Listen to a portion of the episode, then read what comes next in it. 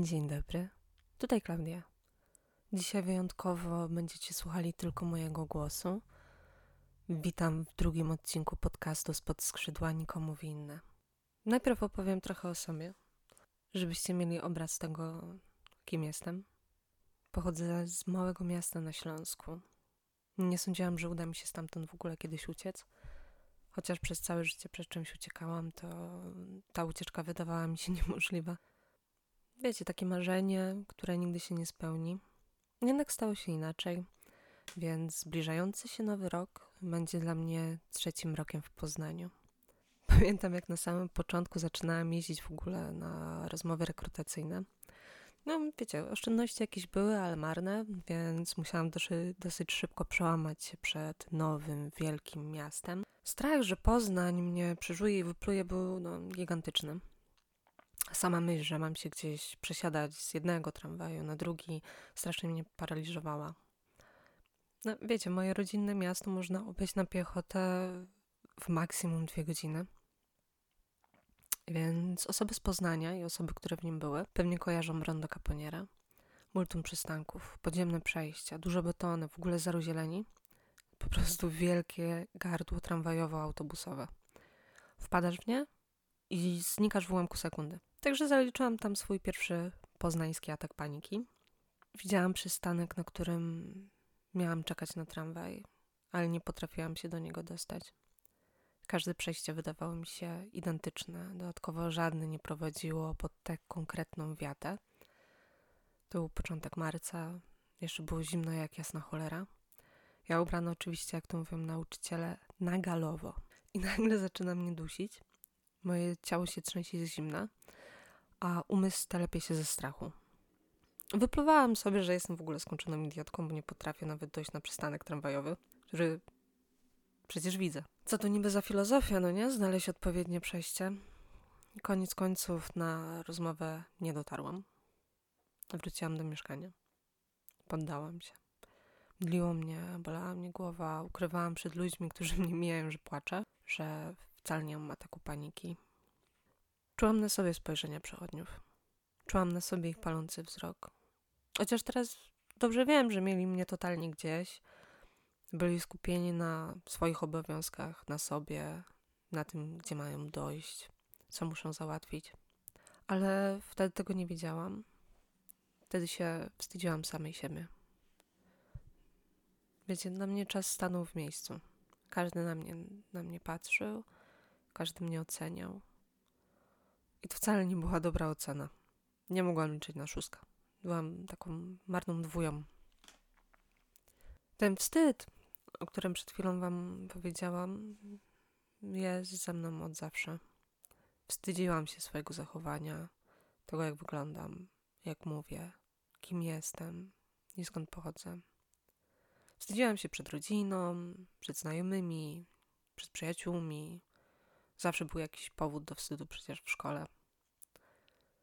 Przez lata, naprawdę przez lata wypluwałam sobie, że jestem niewystarczająca, nijaka, że jestem zła.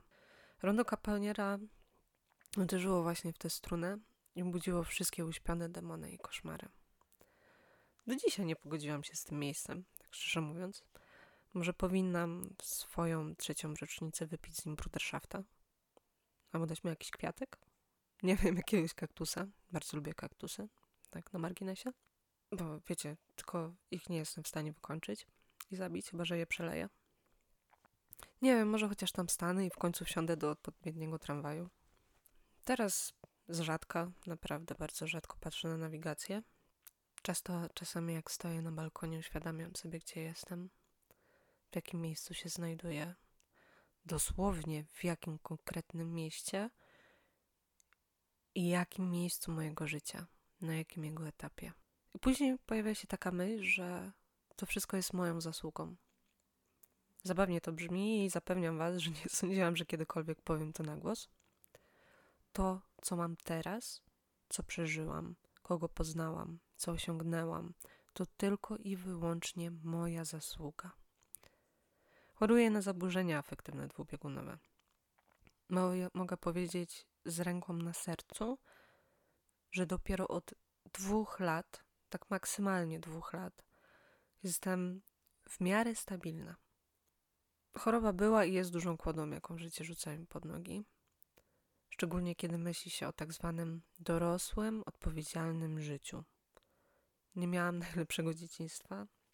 No, nastoletnie życie też pozostaje w strefie nie najlepsze, przez co miałam wątpliwości, czy początki dorosłości będą chociaż ociupinkę, naprawdę, tycio lepsze. Żyłam bardziej w swojej głowie niż naprawdę. Codzienność sączyła się przez moje myśli, snułam plany, jak chciałabym, żeby moje życie wyglądało. Ale za bardzo się bałam żyć w tej naszej pięknej rzeczywistości. Bałam się po prostu tak po ludzku, całkowicie po ludzku się bałam. Moja choroba ma to do siebie, że miałam albo manię, albo depresję. Dokładnie choroba afektywna dwubiegunowa typu pierwszego. Albo mania, albo depresja. Mm, nie ma niczego pomiędzy. Nie ma stanu neutralnego i nie mówię o stanie normalnym, bo wszystko, a zarazem nic jest normalne. Albo czułam głęboki, obezwładniający smutek, albo skrajną ekscytację. I teraz zauważyłam, że mówię w czasie przeszłym, chociaż nadal tak jest. Nieco łagodniej i nieco spokojniej, ale no jest i będzie. I wydaje mi się, że to jest właśnie dobra dorosłość i dobra odpowiedzialne życie. Wiedzieć, kim się jest, czuć siebie, swoje pragnienia i swoje marzenia. Snuć je bez poczucia strachu i bez poczucia winy. Po prostu czuć je w sobie i nimi się kierować. Jeden z moich ulubionych pisarzy, Stig Dagerman, w swojej książce pod tytułem Poparzone dziecko ujął to pięknie w jednym zdaniu. Jedyną prawdziwą gwarancją naszego szczęścia jest ułomność naszej fantazji. Ja generalnie bardzo drastycznie zamknęłam za sobą śląski rozdział życia. Wracam tam tylko, żeby zobaczyć się z moim ojcem i babcią. To strasznie rozrywa serce. Dzieli je na tysiące małych kawałków ale nie cofnę swojej przeszłości, której nie potrafię sobie przebaczyć. Ani sobie, ani nikomu z niej. Czeka mnie jeszcze bardzo długa droga do dotknięcia najgłębszej części mnie samej, do pogodzenia się z tym wszystkim. Pamiętam jednak o tym, że zrobiłam to dla swojego własnego zdrowia psychicznego. Chociaż no, wtedy nie, nie byłam jeszcze tego świadoma działałam albo pod wpływem manii, co jest bardzo prawdopodobne, albo z wewnętrznej potrzeby życia na swój sposób, poza tą taką chmurą toksycznych oparów. Wyczuwam tę chmurę cały czas wokół siebie, bo niezaprzeczalnie jest częścią mnie samej. Zdaję sobie sprawę, że pewnego dnia będzie niewyczuwalna, może zniknie całkowicie. Nie będę czuła jej duszącego zapachu, ale to jest metoda małych kroczków. Właśnie takich małych kroczków prosto do świeżego powietrza. W tym wszystkim najważniejsze jest to, żeby się nie zatrzymywać i nie poddawać. Starać się nie cofać. A jeżeli się cofać, to tylko jak się zobaczy stuwa na chodniku i w pierwszej chwili się jej nie podniesie. I ja teraz sobie przypomniałam, jak w gimnazjum wygrałam konkurs na najlepsze opowiadanie. No, wiecie, wszystkie szkoły w nim y, brały udział. I każda szkoła miała przedstawiciela i to było zaskoczenie dla mnie, że wygrałam. Wygrałam właśnie ja. Nie jest jakieś gigantyczne osiągnięcie, z którego jakoś powinnam być dumna do końca życia, czy choćby wpisać sobie w cv Ale pan Grzegorz Kazdepka był jednym z jury pisarz głównie książek dla dzieci nastolatków. Nie wiem, czy go kojarzycie, ale naprawdę jest bardzo dobrym autorem. Bardzo go cenię za to, co robi i za jego wkład w literaturę dziecięcą. Przy podpisywaniu mojego dyplomu zapytał się, czy chcę zostać pisarką. I wyobraźcie sobie, że pierwsza rzecz, jaka przyszła mi do głowy, co mogę mu odpowiedzieć, to nie wiem. I to jest idealne podsumowanie mojego życia w tamtym okresie. Serio. Nie wiem. Tylko jak długo można nie wiedzieć? Jak długo można nie odczuwać zmęczenia przez to? Nie wiem. Wydaje mi się, że mój limit osiągnęłam chyba w tym roku. Nie wiem, zaczęło być skrajnie męczące, co przestało mi odpowiadać. Nie wiem, przestało być odpowiedzią na wszystko i na wszystkich. Nie wiem, nie było już odpowiedzią na pytania czy na zarzuty. Nie wiem, straciło swój uniwersalny wydźwięk, który ratował mnie z każdej niewygodnej sytuacji, z każdej opresji. I teraz wyobraźcie sobie, że tracicie te swoje nie wiem. Musiałam zastąpić nie wiem takimi zwrotami jak tak, nie, uważam, że nie chcę, chcę, lubię i nie lubię. Takie pytanie, czy wyszło mi to na dobre. No, ciężko określić, bo rok 2020 dał ostro do pieca. I to wszystkim. Więc no nie wiem. A tak serio to wiem doskonale. Rok 2020 otworzył mi bardzo szeroko oczy. Nie tylko przez samą pandemię, mm, ale przez moje osobiste relacje. Pojawiło się w moim życiu bardzo dużo dobra i ciepła. No sobie na to pozwoliłam. Zamiast wmawiać sobie, że nie wiem czego potrzebuję, nie wiem czego chcę, nie wiem czego pragnę, nie wiem na co czekam, na kogo czekam, po co czekam. I mówię to ja, pewna swego, głasząc w tym momencie jednego ze swoich dwóch wspaniałych kotów. Wiem, że wiele osób nadal stawia się w sytuacji pod, spod szyldu, nie wiem. Znam takie osoby, mijam je codziennie, pracuję zapewne z nimi. Nie mam żadnej złotej rady, jak się wyrwać z tego imadła. Chociaż bardzo bym chciała. Chciałabym podać wam taką złotą radę. Położyć ją na tacy i powiedzieć macie. Chyba najlepszym sposobem jest się wkurzyć i wykrzyczeć sobie w twarz, że się nie wie. Po prostu wydrzeć się choćby w poduszkę. Tak, definitywnie. Doprowadzić się do tej granicy, w której nie ma miejsca na nie wiem. Jest za mała przestrzeń, żeby ona mogła istnieć. Wkurzyć się tak mocno, że człowiek się po prostu zniechęci do tego określenia i zaczyna go troszkę nienawidzić. Troszeczkę, nie jakoś skrajnie, tylko tak troszeczkę. Czasami jest dobrze nie wiedzieć. Czasami warto nie wiedzieć. Wracając do moich początków w ogóle w Poznaniu, miałam bardzo podobnie z pracą. Nie wiedziałam, co chcę robić, nie miałam przecież żadnego planu tak naprawdę, jeżeli chodzi o swoją przyszłość, szczególnie w Poznaniu. Nie poszłam na studia, nie wybrałam żadnego kierunku konkretnego, w którym chciałam się kształcić i którym w ogóle chciałam podążać. Ale pomimo tego, znalazłam się w miejscu, z którego nie chcę się cofać jak na razie. Bo nie chodzi w tej chwili o samą pracę, no nie? Jako wykonywanie czynności, a o całą otoczkę wokół niej. O ludzi, z którymi pracuję i których jeszcze przed pandemią widywałam o wiele, wiele częściej niż swoją własną rodzinę. Wiecie, owocowe czwartki i młody, dynamiczny zespół. nie, no może i młody, może i dynamiczny, bo panowie ostro cisnęli pompkami co godzinę. Ale owocowych czwartków nie mamy. A szkoda, ja bardzo lubię owocki. Nie chodziłam już do pracy i nie chodzę, bo był i jest to dla mnie smutny przymus. Wiecie, pr pracować, żeby przeżyć, no nie? Nie, nie ukrywam, że tak wygląda to teraz przy pracy zdalnej. Ale kiedy świat wyglądał jeszcze relatywnie normalnie, przychodziłam do pracy z przyjemnością. Z taką naprawdę dużą przyjemnością i motywacją do, do działania, do pracy.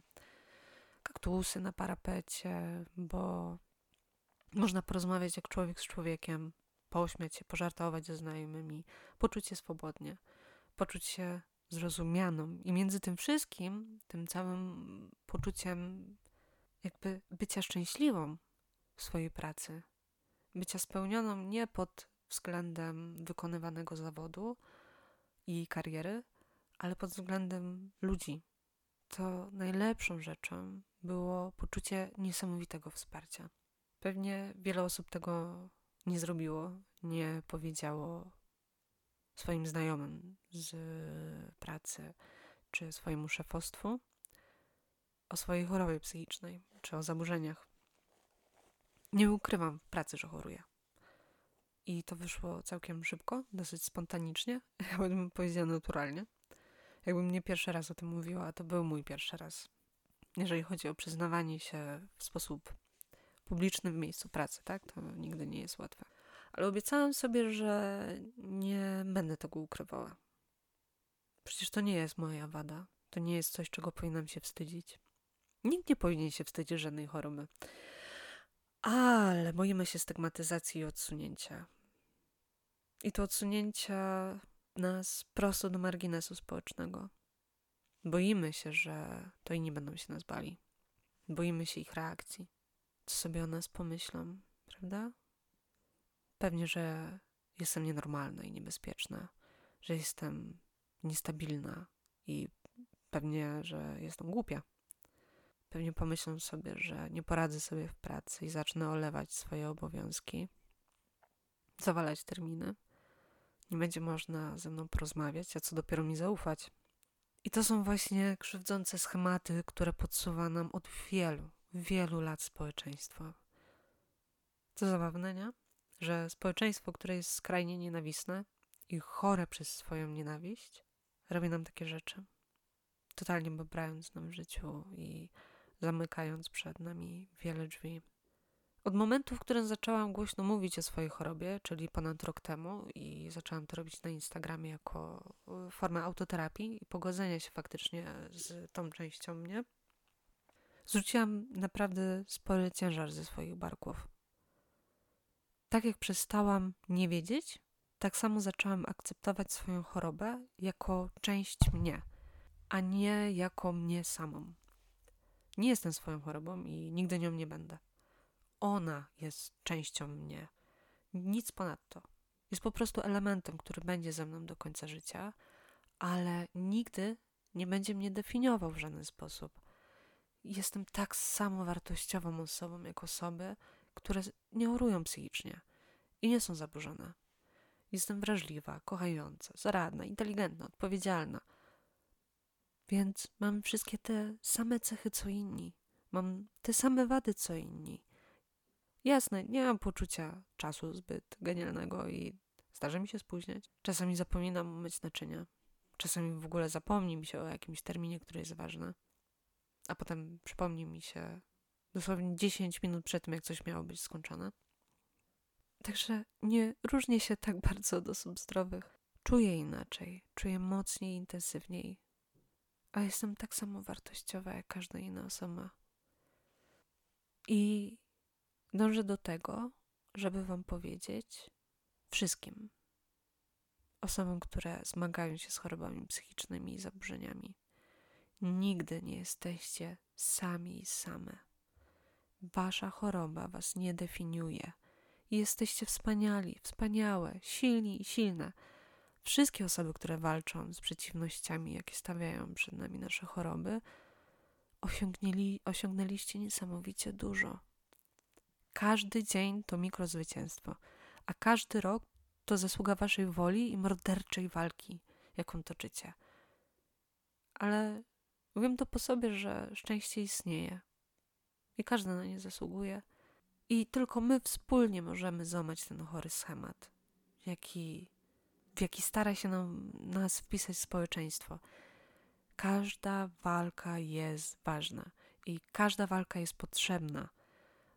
Tylko my, naszym przykładem, możemy pokazać innym, że są w błędzie, klasyfikując nas na pozycji straconej. No ale pamiętajcie, że nigdy nie startujecie z ostatniej pozycji a nawet jeżeli, to jesteście w stanie przegonić osobę, która jest przed wami o setki mil.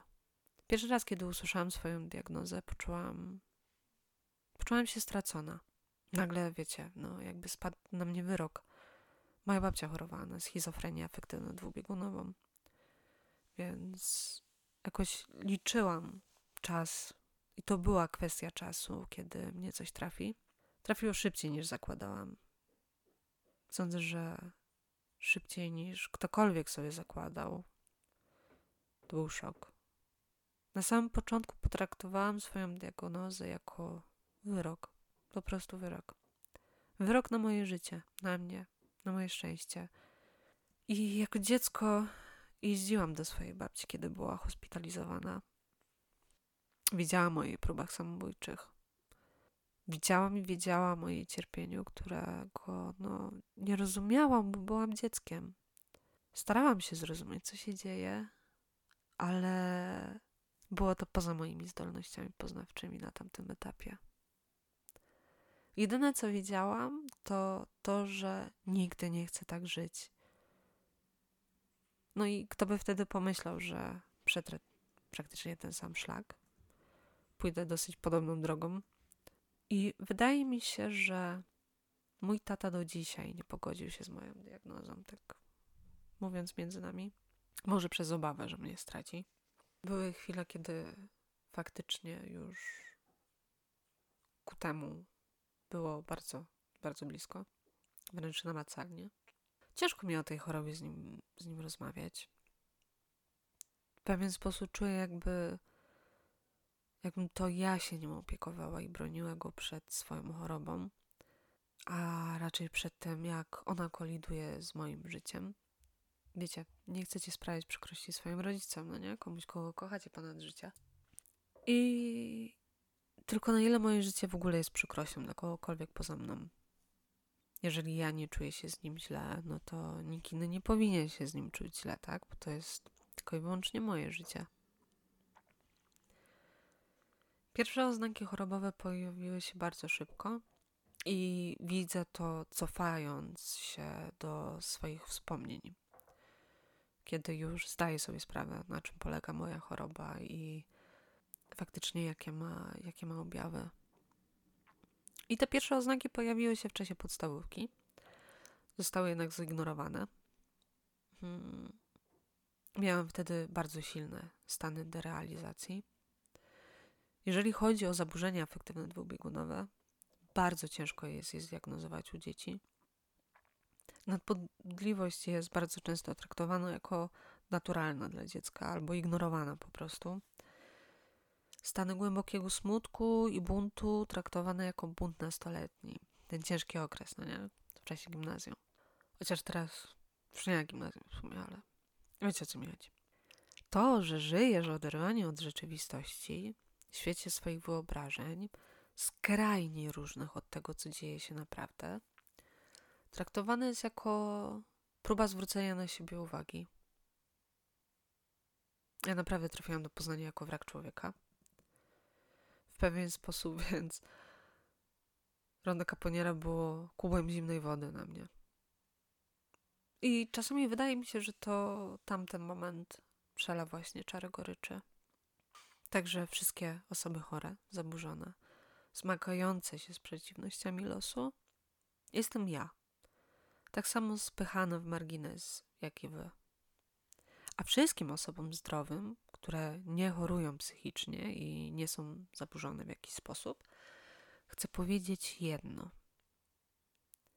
Dajcie nam przestrzeń do mówienia o naszych zmaganiach. Zróbcie nam miejsce, żebyśmy mogli i mogły pokazywać innym, że życie z jakąkolwiek chorobą psychiczną czy zaburzeniem nie jest wyrokiem. Nie wypowiadajcie się za nas. Nie próbujcie mędrkować, jeżeli problem dotyczy stricte Was. Kto inny, jak nie my, my sami, osoby chore, mamy zmienić skrzywiony obraz nas samych, czyli osób chorych, jeżeli właśnie no nie my. Bądźcie dla nas wsparciem, bądźcie naszymi sojuszniczkami, sojusznikami i osobą, osobami sojuszniczymi. Nie zastępstwem za nas. Ja wiem, że to brzmi dosyć mocno, nie? nie? Takie, o, wycofajcie się w tył i nic nie mówcie, bo to my mamy prawo do głosu. No właśnie, nie bądźcie naszym głosem, to my nim jesteśmy. I uwierzcie, że mamy własne, donośne głosy. Ja generalnie walkę ze stygmatyzacją zaczęłam półtora roku temu, może, może prawie dwa lata.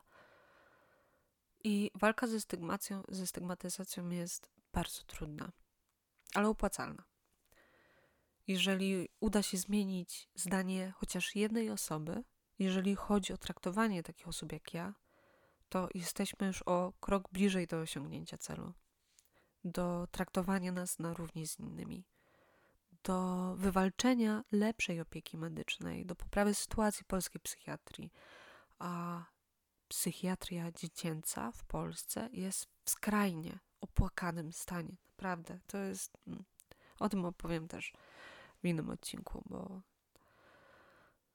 mogłabym mówić i mówić na ten temat, a nie chcę Was przemęczać. I uwierzcie mi, większość osób, które mijacie na ulicy, zmaga się z problemami natury psychicznej.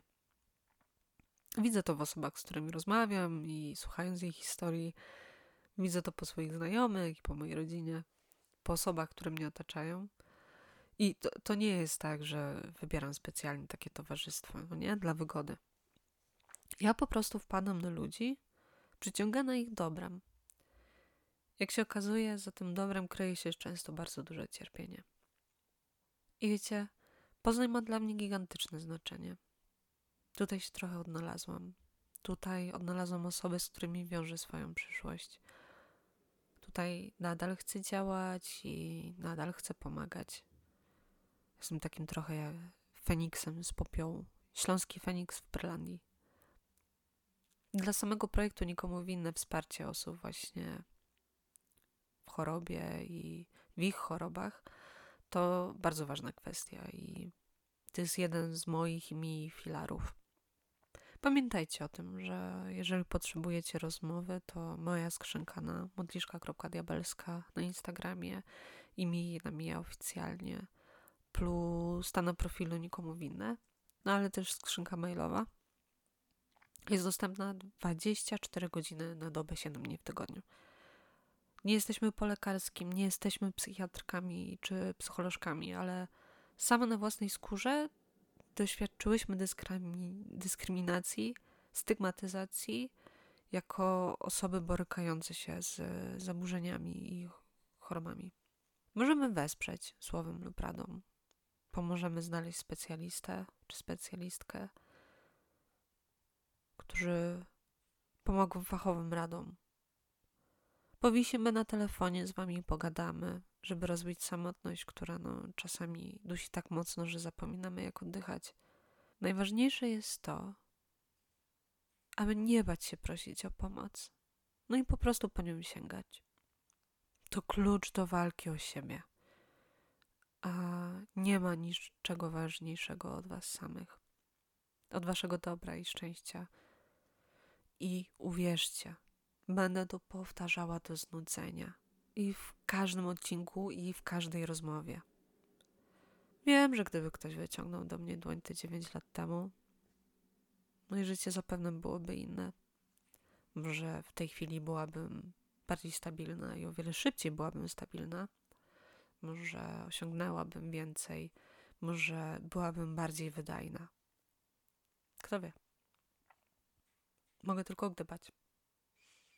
Ale nie jest to potrzebne, bo przeżyłam, co przeżyłam i umocniło mnie to w przekonaniu, że chcę walczyć o takie osoby jak ja, jak my. I na tym dzisiaj zakończmy, moi drodzy słuchacze i słuchaczki, osoby słuchające. Trzymajcie się, uważajcie na siebie i dbajcie o swoje wewnętrzne dobro. Pielęgnujcie swoje małe szczęścia. I do usłyszenia za dwa tygodnie z takich newsów, to będziemy wraz z Miją gościły naszą pierwszą wyjątkową gościnę, czy jak wolę mówić, gościówę. Trzymajcie się. Papa. Pa.